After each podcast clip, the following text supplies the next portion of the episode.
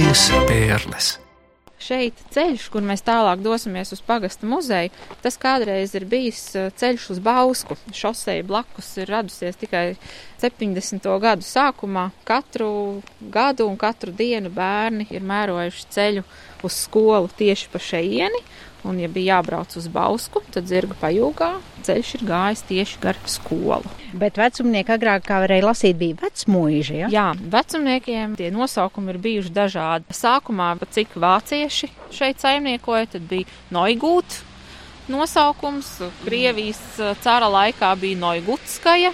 Un pēc tam viņa kļuva par vecmožu. Kā tas tur tika? Jo Noī ir jauns. Ar jaunu tur absolūti nesot nekādas saistības, tā rakstīts papīros. Nu, protams, tad, kad nāca Kārlis Ulmans pie vadības un valdības, visu, kas saistījās ar vāciskumu, vajadzēja likvidēt un nacionalizēt uz latviskiem nosaukumiem, un tā skaitā arī mūsu vecmožu pārsauta latviskoju par vecumniekiem. Tā stāsta vecumnieku pagasta muzeja vadītāja Rita Kovala, kuras pavadībā izstaigāsim seno skolu, kurā atrodas pagasta muzejs, iepazīsim šīs puses ievērojams cilvēkus, uzzināsim, kas hercoga jēkaba laikā te ticis darināts viņa dzelzs manufaktūrā un paviesosimies Luterāņu baznīcā.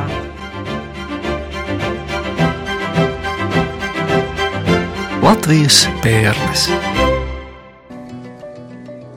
Mūsu cilvēki, ainava, senā skolas ēka un baznīca. Tās ir dažas no vecumnieku novada pērlēm, teica Rita Kovala, un kā pirmo rāda dievnamu, kura altārs ir nosaukts par izsmalcinātu ampīra veidojumu. Majestātiska celtne, kur solis rotā mūsu dievnami neierasti saulīšu raksti un greznas kolonas un statujas ieskauj altāri. Baznīca ir viena no senākajām vispār vecmūžas un vecumnieku celtnēm, kas ir saglabājusies kā reāls piemērs, nu, kad mums tomēr cilvēki dievu mīl un mēs esam ticīga tauta un arī tomēr vēsturiskā ēka. Skatos, tie baznīcēnu solu gali ir tādām ar saulītēm. Jā, ar saules simbolu, un ka viņa ar to arī ir īpaša ka draudzes telpas solu galus rotā saules ornaments, un sēdekļus balsta Latvijas baznīcās neredzēts ornaments. Un tie ir saglabājušies, jā, arī oriģināli. Cik sens ir dievnams? Mūra dievnams ir pabeigts 1000. 840. gadā viņam ir likts pirmais pamatakmens, un celta viņa ir 1840. gadā līdz 45. tātad 5 gadus. Jūs teicāt, mūri, tas nozīmē, pirms tam ir bijusi pirms koka tam, baznīca. Pirms tam ir bijusi koka baznīca, un tā ir datēta ar gadu 1567. Šajā vietā viņa nav bijusi. Tā ir bijusi mazliet tālāk apsētā, bet konkrēta vieta mums nav vēsturiski zināma, jo nav saglabājušos dokumentu. Tā baznīca ir degusi, viņa nodega. Mani interesē, es vēlētos pieiet tuvāk altārim, jo tas altārs ir ļoti iespaidīgs. Te ir krustās izstāta tēls starp tādām četrām korintiešu kolonām, un abās pusēs tam tēlam ir skulptūra skulptūras, divu sieviešu tēli. Nu, Vai man izsnē? Tie ir eņģeļi. Eņģeļi. Izskatās kā sengrieķu skulptūras. Acis arī piesaista ērģeles, kas atrodas blakus altārim, un to krāsotās stabulas vismaz man rada asociācijas ar dekorācijām no operām Aīda vai Nabuko.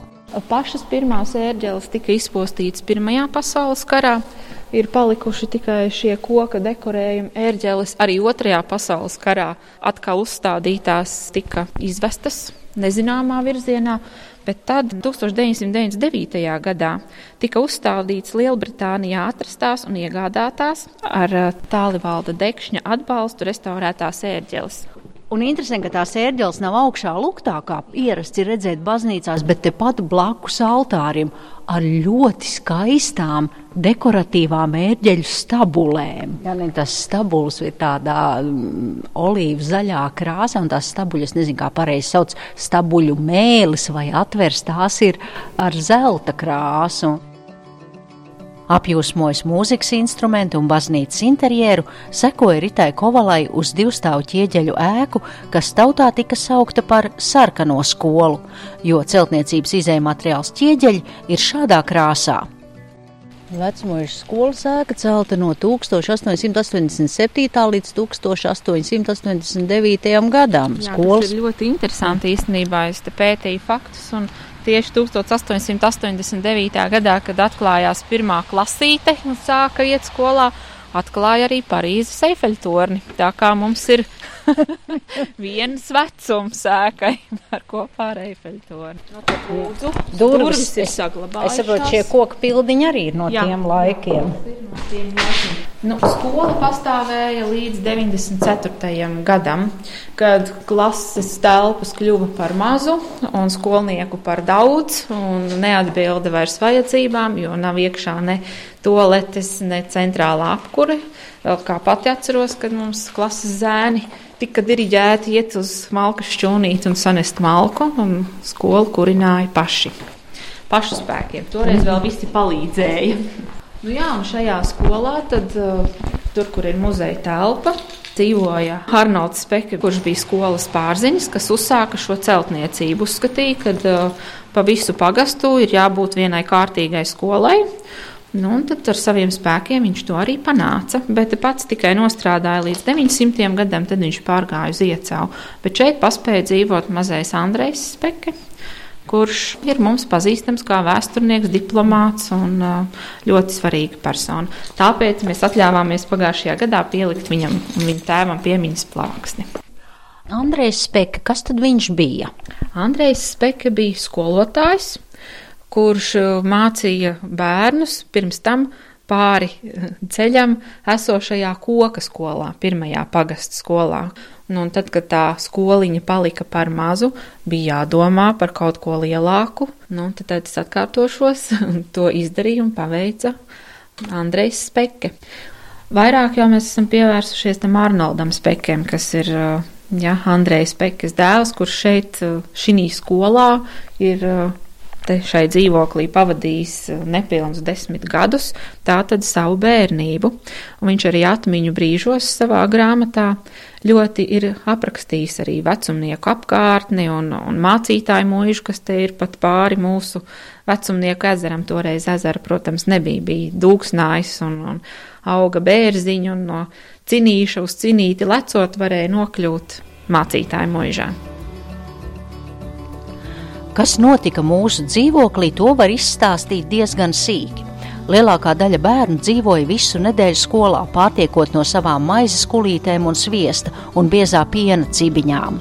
Sesdienās brauca tēvi un mātes ar lielām krūzēm, kurās bija silta putrājuma putra, krūzes bija aizbāztas ar lieliem siena vīkšiem, kas bija ietīti tīrās baltās drāniņās. Vienu atmiņu brīdi atceros, redzu mūsu ķēķī, sēžam kādu lauku māmiņu un ar bēdīgu seju kaut ko gaidām. Prasu, kādēļ viņa neved savu dēlu mājās. Otrais skolotājs nelaižot, viņas dēliņš vēl nesot labi iemācījies to vēlna eimāliņu. Tas nozīmē vienreiz vienu. Stundas bija rīta un pēcpusdienas cēlienā. Vakarā bērni sēdēja gaišajās klasu telpās, lasīja ko, vai sarunājās, vai mācījās rītdienai. Kad nāca gulētiešanas laiks, visi noskaitīja vakaru lūkšanu un nodziedāja kādu korāli harmoniju pavadībā. Tas bija fragments no Arnolda Spekas grāmatas Atmiņu brīži, bet turpinājumā īss šī izcilā diplomāta, vēsturnieka un filologa dosjē.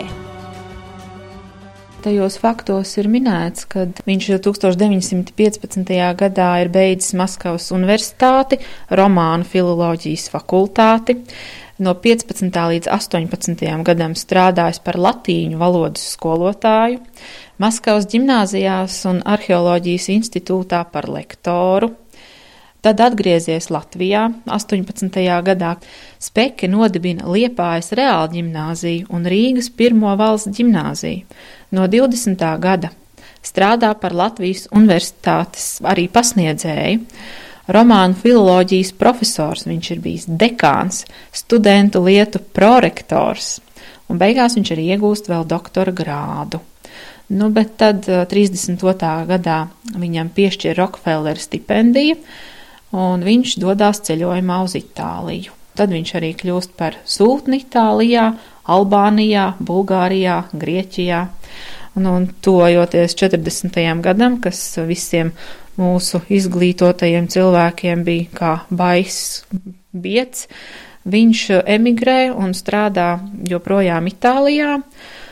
Ģimene dzīvo ļoti trūcīgi, bet viņš savu laiku lieti pavada sēžot bibliotēkās un rakstot Latvijas vēsturi. Un, kā es esmu dzirdējis no vēsturniekiem, tā ir vistīrākā Latvijas vēsture bez jebkādiem politiskiem piejaukumiem, kuri patiešām atspoguļot visa Latvijas vēsture. Tā, un tad no 54. gada Speke ir lietvedis Latvijas sūtniecībā Vašingtonā, un tur viņš tad arī nodzīvo savus mūža pēdējos gadus. Viņu apglabā 72. gadā ASV Katskiļu kapos, bet 2002. gadā viņu pārved uz Latviju kopā ar sievas pīšļiem un abedī mūsu vecumnieku centra kapos. Tā kā un... viņš ir atkal atgriezies Latvijā.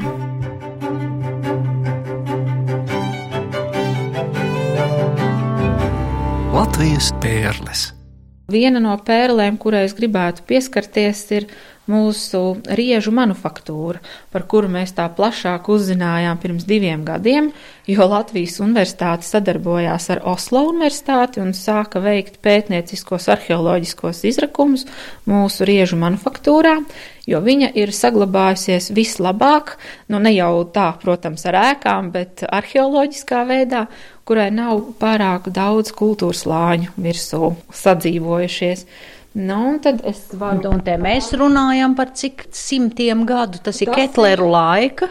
Tā mūsu vecmojušas riežu manufaktūra, kā jau toreiz vācu laikos saucās Noigūče Verk, ir dibināta 1650. gadā un to dibināja Kurzemes un Zemgāles hercogs Jēkabs, un tā darbojās 36 gadus, un bija diezgan populāra manufaktūra, atradās abos Zvirgzdas upes krastos, aizņēma ap 20 hektāru plašu teritoriju, tātad diezgan iespaidīgi. Manufaktūrā Es te nedaudz nocitēšu. Manufaktūra sastāvēja no dubultdomnas, mehāniskā vesera kalves, lielgabalu urptuves, slīpēšanas un virpošanas darbnīcām, ogļu šķūņa, dažām dzīvojamām mājām, naglu kaltuves un rūdas drupinātavas. Un ārā tad ir nākuši gan uh, gan lielgabali, gan lodes, gan granātas, gan katli, gan miezeri, gan dažādi citi tam laikam atbilstoši priekšmeti. Un eh, tas viens lielgabals ir apskatāms pie mūsu vecumnieku novada domas ar precīzām analīzēm nav pierādīts, bet ir atrasts zvirgzdes upes krastos, tā tad iespējams arī tieši tur ražotais lielgabals. Tad, Jā. kas ir manufaktūras vietā, vai tur tagad? Eh, vai manufaktūras ir? vieta ir aizaugusi, tur ir ļoti skaista pļava ar kokiem apaugusi, bet uh, arheologi bija ļoti priecīgi, jo tas, kas ir zem zemes, tas ir saglabājies ļoti labi, lai varētu turpināt veikt pētījumus. Kur var redzēt mūsu lietās dzels Rūdas lodes. Cik tā lode ir smaga? Ļoti labs jautājums, neesmu nosvērusi. Iespējams, varētu būt 5-6 kg stabili. Bet ko man arī vērs uzmanību arheologi, cik interesanti, viņi jau tādu apaļu lodi nevarēja dabūt gatavu. Nu, Lodes lēja formās divās daļās, tādos pusaplīšos, un pēc tam kausēja kopā. Un tā teikt, viens atnākot uz vecumnieku pagastu muzeju, tad tās lodes var apskatīt un arī pataustīt. Un, un arī var smagu. paskatīties, kāda tad izskatās purva dzels rūda, cik smalka viņa ir bijusi. Un tādu tad tā kā tāds kanēlis, jā, vai nu smalki malta kafija, nu kafijas pulveris. Es Jā, teiktu, tā. tādi zelta putekļi, mūsu vietējais zelts, jo es uzskatu, ka šī tiešām ir bijusi kārtīga vecumnieku attīstība pirms tiem daudziem simtiem gadu, jo iebrauca gan viesstrādnieki, kas bija stažējušies Francijā, lai apgūtu un pārstrādātu dzelzi. Zelta āderte nu, bijusi vecumniekos, jā. jā. Tieši tā. Sevišķs dārgums ir bijušā dārznieka Liedes dēla skiču burtnīca, kad viņš 1922. gadā ir mācījies toreizējā Rīgas latviešu daļkrāsotāju skolā. Šo zīmējumu kolekciju muzejam uzdāvināja viņa meita, dārznieka Liedes mazmeita, un acis var papriecēt pie jaunā studenta darbiem, bet par vecumnieku vēsturi runājot, var ieklausīties stāstā par Liedes dārzniecību un pašu dārznieku. Dārznieks, jā, šeit ir uh, dzīvojis savus mūža gadus un audzējis gan augļu kokus, gan uh, ogu krūmus, gan rozes. Kā raksta viņa mazmeita, kad vectēvs vienmēr ir bijis uh, tādā ritenī. Viņš nekad nav sēdējis, jo pa dienu bija jākop siltumnīcas augļu koki un dārzi, un vakarā, tad, kad nāca tumsi, viņš ienācis ristabā, un no mērcētiem egļu zariem un saknēm ir pinis grozus, pinis mēbeles, kaplīšiem un grābekļiem ir iestiprinājis atpakaļ izlūzušos zariņus nepārtrauktā darbībā. Un tas ir bijis šeit vecumniekos? Tas ir vecumniekos, jā. Un augļu dārs? No augļu dārziem noteikti var atrast kādu viņa stādītu ābeli, tāpat arī ķiršu kokus. Viņš arī es atradu Nacionālās bibliotēkā interneta rakstus, kad pagasta valde 30. gados viņam pasakās par ieguldījumu, ka viņš ir dāvinājis 300 kociņus, ko stādīt ceļa malās no pagasta nama virzienā uz Rīgu. Nu, tagad vēl var dažas ābeles saskatīt. Latvijas pērles. Šeit es domāju, gribētu parādīt to, ka uh, muzejs ir skolas ēkā, un skola te ir bijusi daudzus gadus. Ir skolotāju stendiņš, kur var redzēt uh, gan pašus pirmsākumus, gan uh, tagadējo skolas direktoru, kurš jau ir no 1997. gada. Gribētu pieminēt uh, Heinrichu Siliņu, kurš pēc otrā pasaules kara atguva skolniekus mūsu sarkanajai skolai, jo pēc otrā pasaules kara telpas bija postītas, viss skolas process bija pajucis, viņš, kā rakstīts ir sarkanās skolas kronikā, ar divriteni ir apbraukājis visu pagastu un tuvākos pagastus aicinādams, kad ir jābūt skolniekiem un ka skolai ir atkal jāturpinās. Tā kā viņš ir pelnījis goda plāksni, tam, kad uh, vecumniekos ir atzimusi atkal skola. Un kā varam lasīt, viņš ir vecumnieku vidusskolas dibinātājs un direktors Heinrichs Siliņš no Jā. 1945. līdz 1949. gadam. Godinot bijušos pedagogus, ir daudz interesanta materiāla, fotografijas un studiju darbi, kas nāk no bijušās vecumnieku skolas angļu valodas skolotājas Vikmanas krājuma, kur savulaik pagājušā gadsimta 20. un 30. gados mācījās skolotāja institūtā Rīgā. Te var apskatīt apliecības par pamatskolas pilna kursa beigšanu, kas ir no 1912. gada. Šeit ir dažādas studentu aktivitātes, kas ir uh, skolotāju institūtā bijušas. Iesvētība dienā, Arī baltā kleitā viņi ir, jā, kur jā. studentu orķestri te mēs varam redzēt sporta nodarbības 1929. gadā vingrotājas skolu svētkos nofotografējusies. Šeit es gribu parādīt, kādi darbi ir skolotājiem beidzot uh, un mācoties par skolotāju, kas ir bijis jāprot. Tev ir bijis jāprot gan zīmēt, gan gleznot. Pīle te ir uzzīmēta, kastānis, portreti dažādi, zīmēšana, gleznošana, kompozīcija monogrammas. Jā, Latviešu valoda, dabas zinātnes, lauksaimniecība, vācu valoda, pedagoģijas vēsture, dziedāšanas nodarbības, vingrošana, mājturība, reliģija, vēsture, latviešu literatūra, kaligrāfija, Jā. galdniecība, mūzika, matemātika, kooperācija, higiēna, lauksaimniecība, angļu valoda. Topošiem skolotājiem tas viss bija jāmācās. Un šeit arī no Vikmanes um, tām privātu lietām es atradu tādu kolosālu afišu, kas tomēr apliecina, ka vecmoža ir bijusi ļoti aktīva. Vecmožas sešklašu pamatskolas mazpulks rīko kultūras biedrības telpās 36. gada 15. maijā jauno un veco zemnieku dienu.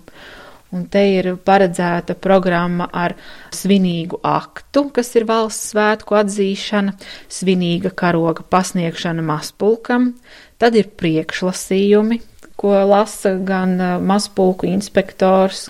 Te interesanti ir rakstīts arī par ko tie priekšlasījumi ir bijuši. Rakstura audzināšana. Novērsīsim darba sastrēgumus runās rajona agronoms Eltermanis, un tad ir priekšnesumi, Jā. deklamācijas. Kora deklamācija ieža kažociņš, kora dziesmas, mūzikas priekšnesumi un beigās ir bijušas tautiskas dejas un rotaļas.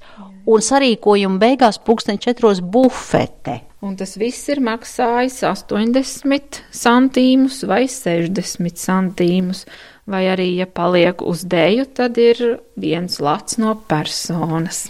Te ir ļoti interesanti pierakstīts, ka garderobe ir un satiksmes līdzekļu uzraudzība. Divi riteņi to laik ir bijuši. Zirgu pajūgi, acīm redzot, jā. un nu, es nezinu, vai vecumniekos ir bijis jau kāds auto, par to es nemāku neko teikt, bet zirgu pajūgi un divi riteņi noteikti, jo mūsu pagasta vecākais Lēnieks fotografijās šajā laikā ir redzams uz velosipēda. Gribat paši pataustīt smagās lodes vai ielūkoties gabaliņā mūsu vēstures, tad dodieties uz vecumnieku pagasta muzeju. Es saku paldies par stāstījumu muzeja vadītājai Ritai Kovalai, raidījumu veidoja Zane Lāce.